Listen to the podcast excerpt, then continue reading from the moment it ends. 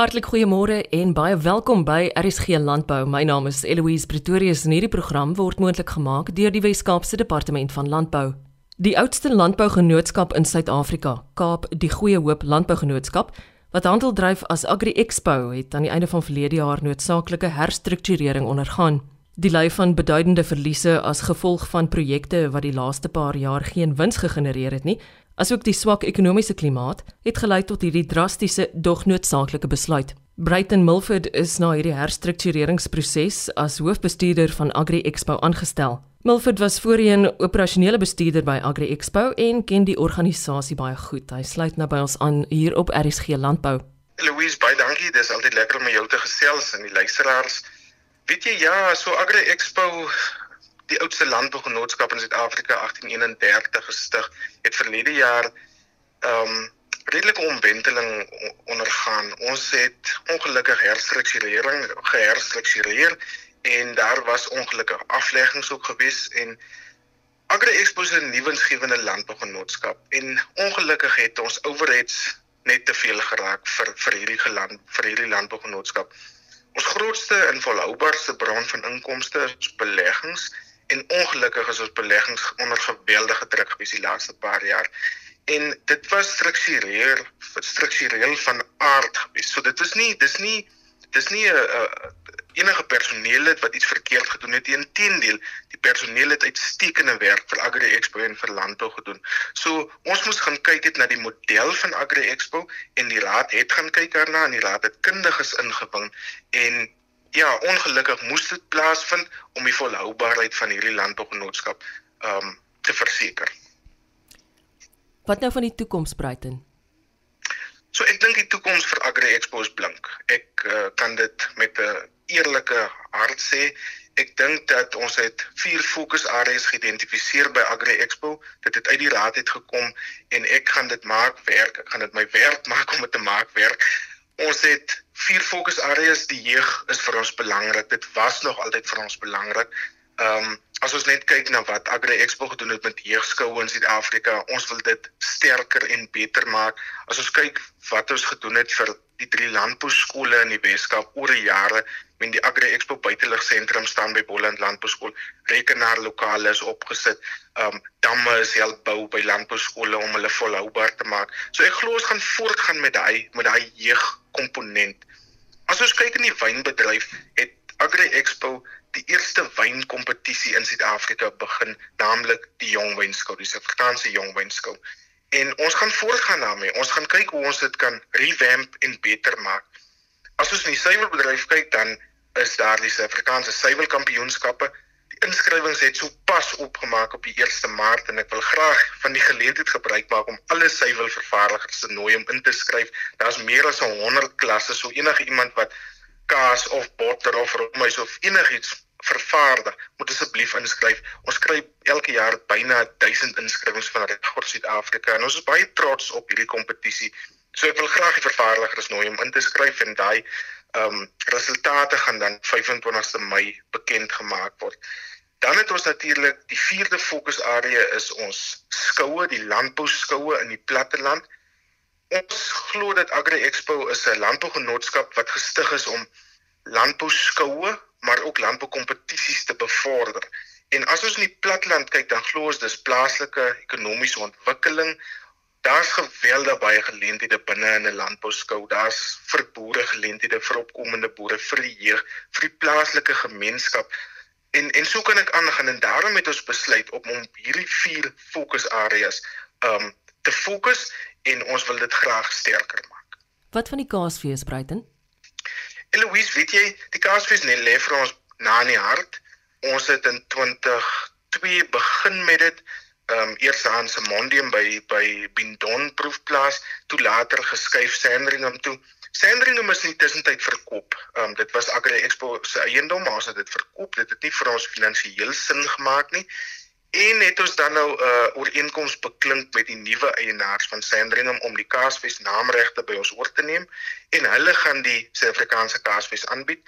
Ek glo dat vir die 21 jaar wat Agri Expo dit aangebied het, was dit uitstekend aangebied. Ons het geweldige goeie platform geskep vir klein produsente, landbouers, kaasmakers en so meer.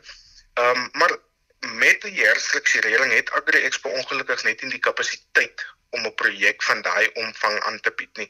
En daarom glo ons dat die nuwe eienaars van Sandringham die regte mense is om hierdie projek voort te vat, dit ook 'n bietjie aan te pas soos wat hulle dit goed dink en ja, ons wens hulle dan ook alle sterkte toe met die Kaasfees. Wat is nou jou nuwe portefeulje? So ek is aangestel as die hoofbestuurder van Agri Expo en ja, ek is die ou wat met hierdie hierdie skip probeer in die regte rigting stuur. Ons moet vir ons 'n pad uitkap. Ons moet volhoubaar bly. Ek dink mense vra vir my wat is nou vir my belangrik en ek sê dis vir my belangrik dat Agri Expo volhoubaar is. Ons kan nie 'n uh, 'n organisasie hê wat byna 200 jaar oud is en hy gaan oor 'n paar jaar tot niks nie. Ek wil graag hê dat ons moet vir nog 200 jaar en meer voortbestaan, landbou bevorder, maar dit op op op 'n volhoubare wyse doen. Breiten julle is nou 'n beduidend kleiner span. Daar gaan ons nou nie kan verbykom nie. Ek kry tog wel die gevoel dat julle al julle take met sukses en innovasie steeds gaan afhandel. Verseker, ek glo so. Wat ons gaan doen is uh, binne ons projekte gaan ons mense inkontrakteer. Ons gaan van ons oud kollegas gebruik. Ons gaan van die kundiges in die landboubedryf en ook weier gebruik om ons te help om dit te doen. Maar daar's nie projekte pas dan vir daai vir daai kostes. So dit maak absoluut besigheid sin om dit so te doen. En daar's ook ander geleenthede waarby Agri Expo nog steeds betrokke kan bly. Um, ek dink hier aan die Agri Werker van die Jaar toekenninge waar Agri Expo vir baie jare betrokke was en nog steeds wil wees en kyk hoe ons groter betrokking kan wees daar. Dit vat nie baie van ons nie, maar ons kan 'n geweldige inset daar lewer. Die Weskaap Pleinvee Klub is vir ons belangrik. Ons is die beskermer daarvan die veteraantrekkers, die teelergenootskappe en so kan ek aangaan. So ja, ons ons sien baie uit na die toekoms. Eloise, ek wil graag die luisteraars en die landbougemeenskap buite die versekering gee dat Agri Expo van krag tot krag sal gaan. Dat hierdie landbougenootskap wat 192 jaar oud is, volhoubaar gaan wees vir die toekoms, dat ons nog steeds relevante landbouprojekte gaan aanbied en dat ons landbou gaan bevorder op so 'n wyse dat ons landbou gaan trots maak. Breiten, ek wens jou alle sukses vir die toekoms. Baie dankie vir die saamgesels vanoggend op RSG Landbou. Baie dankie Louise, dit was 'n voorreg. Hoofbestuurder van Agri Expo, Bruiten Milford. Die verkoeling van bederfbare produkte, asook die vervoer daarvan, is op die oomblik 'n uitdaging weens beurtkrag. Dion Roo is 'n meganiese ingenieur van Pretoria. Hy verduidelik dat daar ander volhoubare praktyke en maniere is om die probleem te omseil. Ek wou by hom hoor waar die gebruik van droëys in landbou toegepas word. Landbou is ons vir amper 3 uh, dekades al en stowwe vir die boere met die diere wat dro wat droëys word gebruik om daai enstof te vervoer tot by die tot by die eindgebruiker. So dis 'n groot deel daarvan en natuurlik nou aan die aan die graankant word daar ook uh, van droëys gebruik gemaak en dan met die beeste uh, die merk van beeste ook en dan natuurlik vervoer van van bederfbare produk landbouprodukte. Dion, wat is dry ice for farming? Draaisvoer farming is om is 'n alternatief uh, vir die warm brand van beeste. Nou met 'n warm brand uh, is het jy jy baie keer het jy 'n sekondêre wonde op die dier of die uh, die die vel die vel kry seer. Uh, ons het 'n alternatief wat ons uh, draai as uh, vriesbrand noem en uh, hy het geen uh, skade op die vel nie, hy's nie traumaties op die dier nie en die lekker is die hare kom dis soos dis soos om uh, om grys te word. Ja, die haar gaan nie dood nie, maar die kleurfollikel gaan dood. So die haar kom spierwit uit. So die die merk op die bees self is baie sigbaar van ver af en is baie professioneel en die vel het geen skade nie. Waar word droë ys in die wynbedryf gebruik? Uh, droëys word hoofsaaklik op hierdie stadium in die Kaap in die wyn wynbedryf gebruik. Nou, dit is op die oomblik is dit is is dit oesseisoen, so die wynboere is baie woelig en besig. Sodra die suikergate van daai druiwe reg is, moet hulle begin oes en dan hulle droëys nodig. Ek praat spesifiek veral van die die die wit druiwe. Nou, die verskil tussen 'n 'n goeie Sauvignon Blanc wyn en 'n gewone droë wit wyn is droë ys of CO2.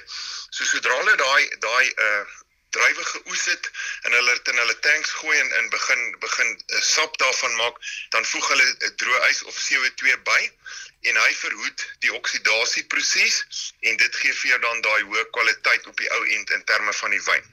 Waar in die jagbedryf word daarvan droë ys gebruik gemaak? Daar's twee maniere. Die een is jagters gaan uit in die uh, in ry gewoonlik baie lang afstande na baie warm warm areas toe. En enige jagter hou maar van sy braai in die aand, so hulle vat baie keer hulle eie vleis saam uh en, en moet dit koud hou. En hulle is baie keer in omgewings waar daar nie eksterne energie is nie. So droë ys is 'n baie eenvoudige, maklike, elegante oplossing om jou vleis gevries en koud te hou. Maar as hy dan klaar gejag het en hy met daai karkasse terugbring, uh die droë ys verplaas die suurstof. Kom ons sê jy sit dit agter in jou bakkie of in jou trailer. Die droë ys verplaas die suurstof. Uh, nommer 1, so hy hou insekte weg. Hy hy preserveer die vleis of die karkas en dan wat ook lekker is, hy hom lekker koel. Cool, maar hy vries hom nie as as, as jy nou nie te veel bysit nie. So jy regtig jy voeg geweldig baie waarde by jou vleis.